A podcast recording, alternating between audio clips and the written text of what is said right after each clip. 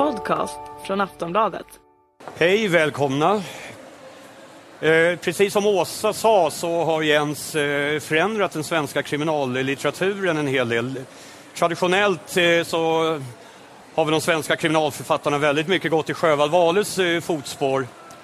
Och det är inget fel i det, verkligen inte. Eh, men det är ett ganska långsamt tempo. Det är i allmänhet någon eh, kriminalkommissarie med alkoholproblem och en vuxen dotter som inte förstår honom och han går omkring och grubblar om när, när det gick snett för Sverige och det är i allmänhet i höjd med mordet på Olof Palme eller sånt där. Eh,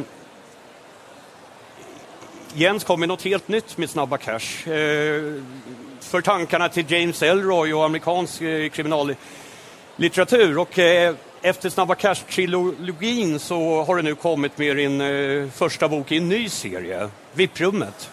Precis. Eh, det är intressant det där du nämner med eh, den här klassiska, eh, typiska skandinaviska eh, deckartraditionen och eh, som jag då i mina tre första böcker i någon mening försökte eh, revoltera mot. Mm. Eh, jag var med en gång i någon sån australiensisk radiodebatt om skandinavisk kriminallitteratur och då sa någon där, sån här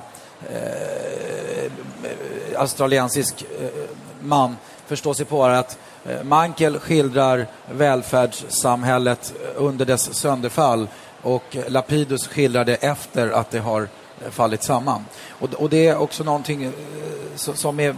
Jag, är, jag försöker förhålla mig då till klassisk svensk kriminallitteratur genom att titta på hur den är konstruerad och i Snabba Cash-böckerna göra tvärtom, kan mm. man säga.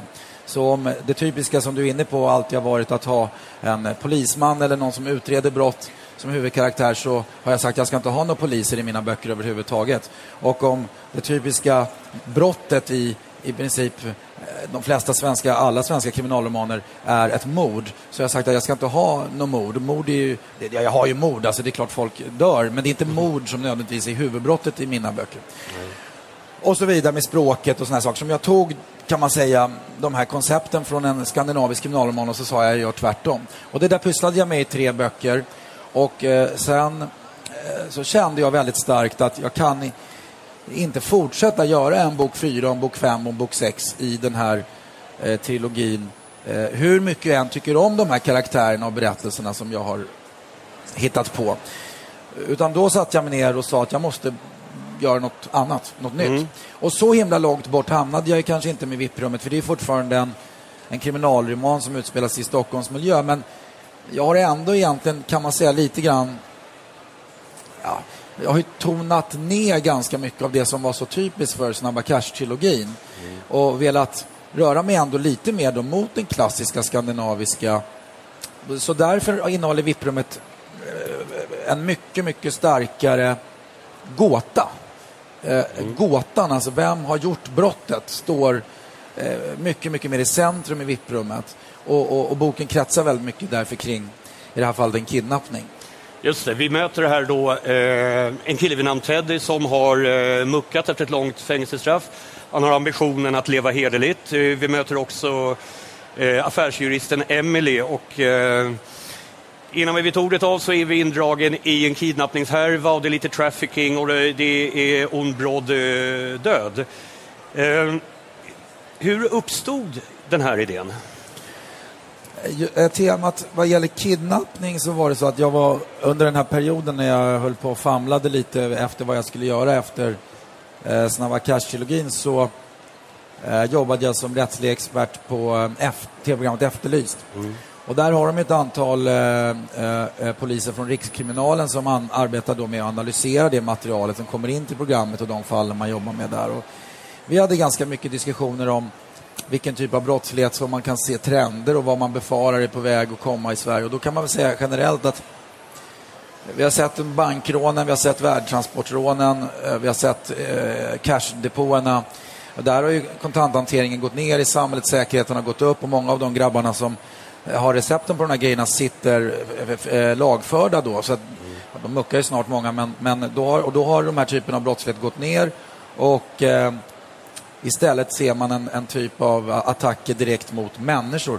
Man, man, eh, utpressning, kidnappning Och det var några sådana ganska uppmärksammade fall som vi hade då på Efterlyst. Och då bestämde jag mig för att det skulle bli huvudbrottet i min nästa roman. Eh, och det är också litterärt ett tacksamt brott att skriva om därför att det finns ju en relation inbyggd i mellan kidnapparen och den kidnappade mm. som inte kanske finns lika tydligt i ett bankrån eller värdetransportrån på det sättet. Du, du, du, sa nyss att du eh, har försökt avlägsna dig från eh, snabba cash-världen. Samtidigt tycker jag att det finns en del eh, omisskännliga ingredienser. Eh, eh, vi har å ena sidan en överklassvärld, Östermalm, å andra sidan eh, eh, jugoslaviska gangsters och så vidare. hur pass väl känner du de här två världarna? Alltså i någon mening så känner jag dem inte överhuvudtaget därför att jag är inte själv en del av dem. Men ibland kan det ju vara så med litteratur också att eller alla former av betraktelser att det är nästan en nödvändig förutsättning att kunna beskriva något, att man inte själv är mitt i det. Mm. Så för mig kan man säga att jag är ju i någon mening väldigt nära den undre världen utan att vara i den. Det vill säga, jag träffar klienter och jag sitter på rättegångar och jag lyssnar på polisens hemliga telefonavlyssning dag ut och dag in. Och då får man ju en väldig närhet till gatan om jag uttrycker mig så. Eh, och, och, och, med överklassen och de övre skikten som jag beskriver så kan man säga jag är inte i detta. Jag bor ju inte själv i en paradvåning i de här kvarteren som jag beskriver. Men jag har ju, det finns ju advokatkollegor och jag, har ju liksom, jag bor i Stockholm och det är en ganska exhibitionistisk miljö som ändå går och hittar på, på internet och så vidare. Och så vidare. Så att även där, jag, jag finns ju nära det men jag är inte i det. Och eh, då ser jag som mitt eh, projekt att eh, göra eh, en så, så, att komma så nära, alltså, jag är ju väldigt nyfiken helt enkelt, så jag skriver alltid ner och, och, och, och, tänk, och hör jag någon använda ord, nu var, var på någon annan scen här och då läste han eh, som intervjuade mig ett stycke ur VIP-rummet där det stod att man kan bara daga med klass i London eller New York. Och så. så frågade han vad det här med daga, var får du det ordet ifrån? Det är ett jättebra överklassord. Mm. Så om ni inte vet vad det betyder så måste ni genast läsa min bok, jag säga. Men då, då är det så att eh, Eh, hur får man reda på ett sånt ord egentligen? Det är inget man kan så här, googla och säga så här, hur pratar överklassen och så där. Utan då måste man vara eh, eh, väldigt, eh, väldigt så här jättestora öron. Så fort jag hör det där ordet, då skriver jag ner det. Och så kan jag behålla det i flera år och sen kan jag använda det i någon bok någon gång. Du, i dina böcker, eh, jag tycker ofta är så att eh, dessa gangsters har ju inte sällan eh, väldigt grova förbrytelser på sitt samvete. Samtidigt så uppfattar jag de karaktärerna ofta som mer anständiga människor än, än, än de här kokainsniffande, fuskande, ljugande, eh, framgångsrika affärsjuristerna. Ja, ja, ja, precis. Ja, just affärsjuristen är väl inget vidare fel på i VIP-rummet kanske, men det finns ju andra i de övre skikten av samhället som jag beskriver ganska hårt kan man mm. säga. Jag har ju någon hang-up på det där. Eh, det har jag ju insett själv. Eh, att jag återkommer hela tiden till de här skikten, till eh, klass, till beskrivningen av Stureplan eller överklassen. Och jag tror en del i det hela är att jag ser de här miljöerna som en slags spegling av varandra som jag tycker är mm. väldigt intressant. Det vill säga, den undre världen, ja det känner vi väl till att där finns en mängd oskrivna regler, det finns lagar, det finns saker man gör och saker man bara inte gör. Och det, där och det finns också massa psykopater och det finns massa eh, materialistiska uppfattningar om vad som är det goda livet och så vidare. Och de här, det här systemet ser, kan jag se som en spegling ibland av vad man kan påträffa liknande fenomen i överklassen eller de övre skikten i samhället. Och då tycker jag det är spännande att liksom Möts de här eller finns det en spegling, finns det någon koppling mellan de här olika lagren? Och det, det kan man säga jag pysslar med egentligen i alla mina böcker i olika utsträckning, men väldigt mycket i VIP-rummet. Jag får en känsla av att du sympatiserar själv mer med dessa gangsters än med den här, inte hela överklassen, men med den här Nej. delen av överklassen. Ja. Jag får en känsla av att du rent av hatar den. Uh, ja... Uh, lite så kanske, men jag... Jag har ju en hatkärlek till överklassen, det har jag. Mm. Alltså, jag är oerhört fascinerad. Alltså, jag, jag, jag, tycker att det finns något oerhört spännande med de här slutna rummen och de här skolorna som liksom... Den här, och det, det är en, alltså en, eh, som jag uppfattar i den research jag har gjort, en, eh, en miljö som precis som eh, den kriminella miljön, du kan inte bara kliva in och bli en del av den. Nej.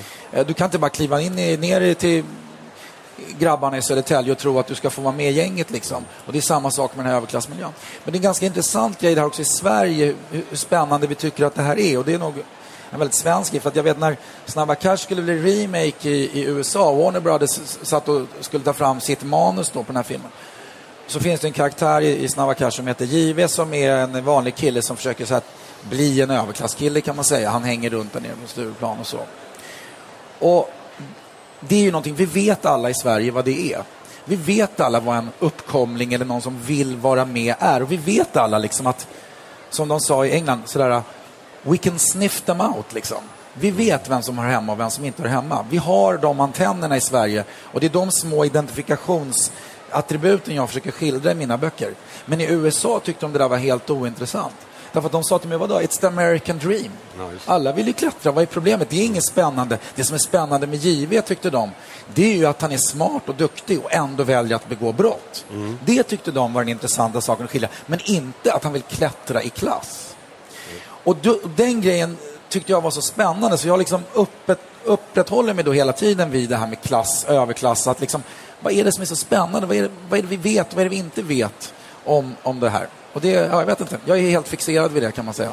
Jo, den här fixeringen, det märker man inte minst i detaljerna. Alltså det, det, ganska tidigt tappar man räkningen på alla varumärken. Det är dyra klockor hit och dit, eh, skräddarsydda kostymer från London och så vidare. och så vidare. Hur mycket lägger du ner på, på att just det ska bli rätt? Man kan säga så här, varumärken det är ett sätt för mig att, att egentligen skildra en karaktär. Det vill säga en människa som läser verkligheten genom jaha, du har de skorna och du kör den bilen. Det är också en människa som ger uttryck för ett visst sätt, ett förhållningssätt till sin omvärld. Och därför om man granskar VIP-rummet exempel så kommer man se att vissa kapitel finns inga varumärken alls och det är vissa karaktärer. Mm. Medan andra karaktärer som till exempel Philip Charlie, i de kapitlerna så är det väldigt mycket varumärken. Så för mig är det här ständiga nämnandet av varumärken är egentligen ett sätt att beskriva människor. Hur många böcker blir det i den här serien? Um, det vet jag inte. Jag håller på med en uppföljare nu eh, som har också Teddy och Emily som huvudkaraktär och som tar vid egentligen något år efter att den eh, förra boken eh, slutar. Och mm. Ehm, det blir i alla fall den. Sen om det blir mer vet jag inte. Hur långt har du kommit? När kommer den ut? Jag har kommit till 73 sidor ungefär oredigerat i, i 12 punkters Word Times menar jag, mm. New Roman, ett och ett halvt radavstånd. Sen får ni räkna ut själva hur mycket det blir, men det brukar bli lite mer i eh, tryckt form. Då kan man säga det att jag är väldigt baktunn i min skrivprocess, det vill säga jag har alltid haft som för... James Elroy, han sa till mig en gång så här, jag skriver böcker som är 600 sidor eh, och min kapitelplanering är 400 sidor.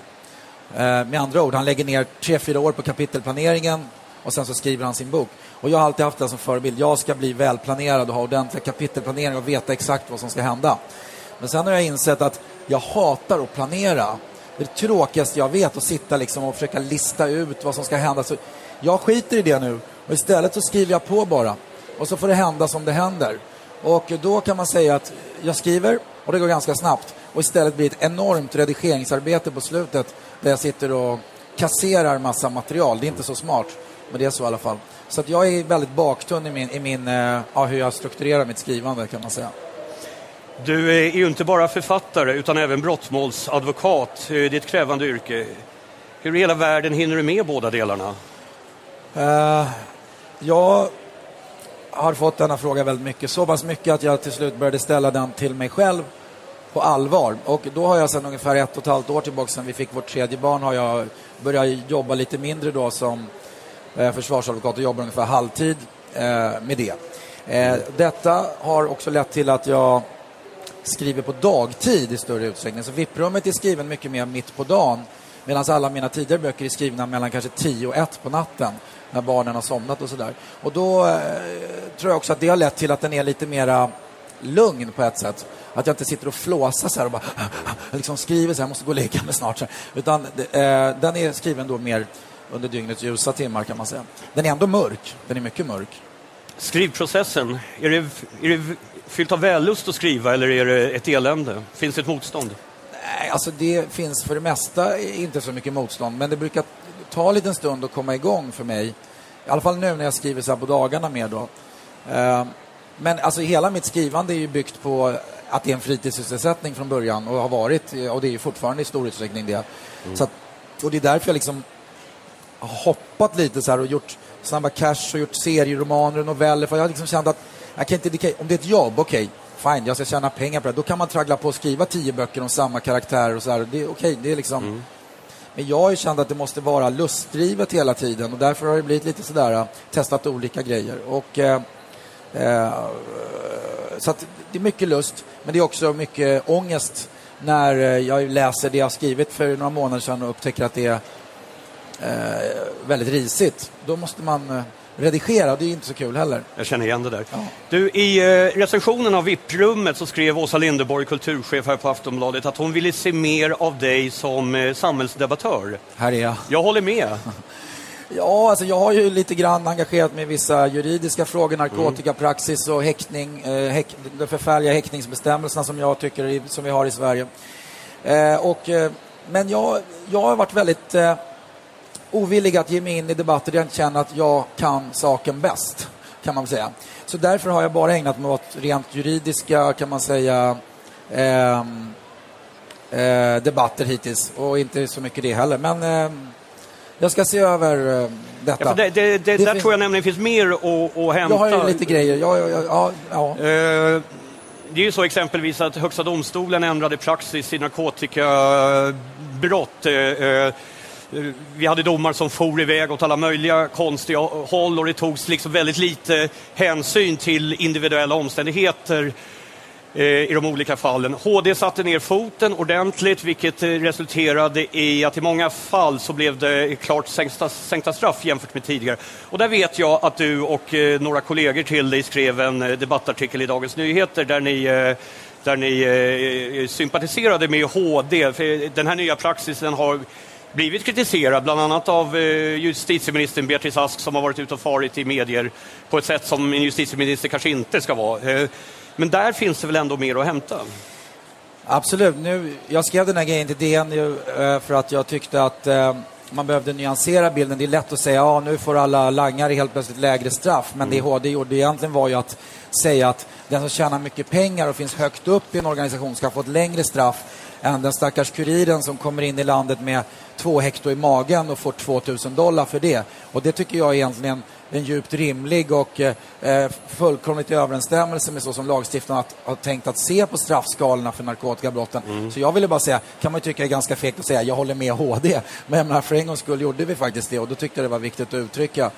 Det finns massa utav frågor. Problemet som jag kan se ibland är att intresset för en lite mer djupare analys av hur vårt rättsväsende faktiskt fungerar inte alltid är så stort det, det, det, är lättare liksom att ropa på mer blod och längre straff och såna här saker.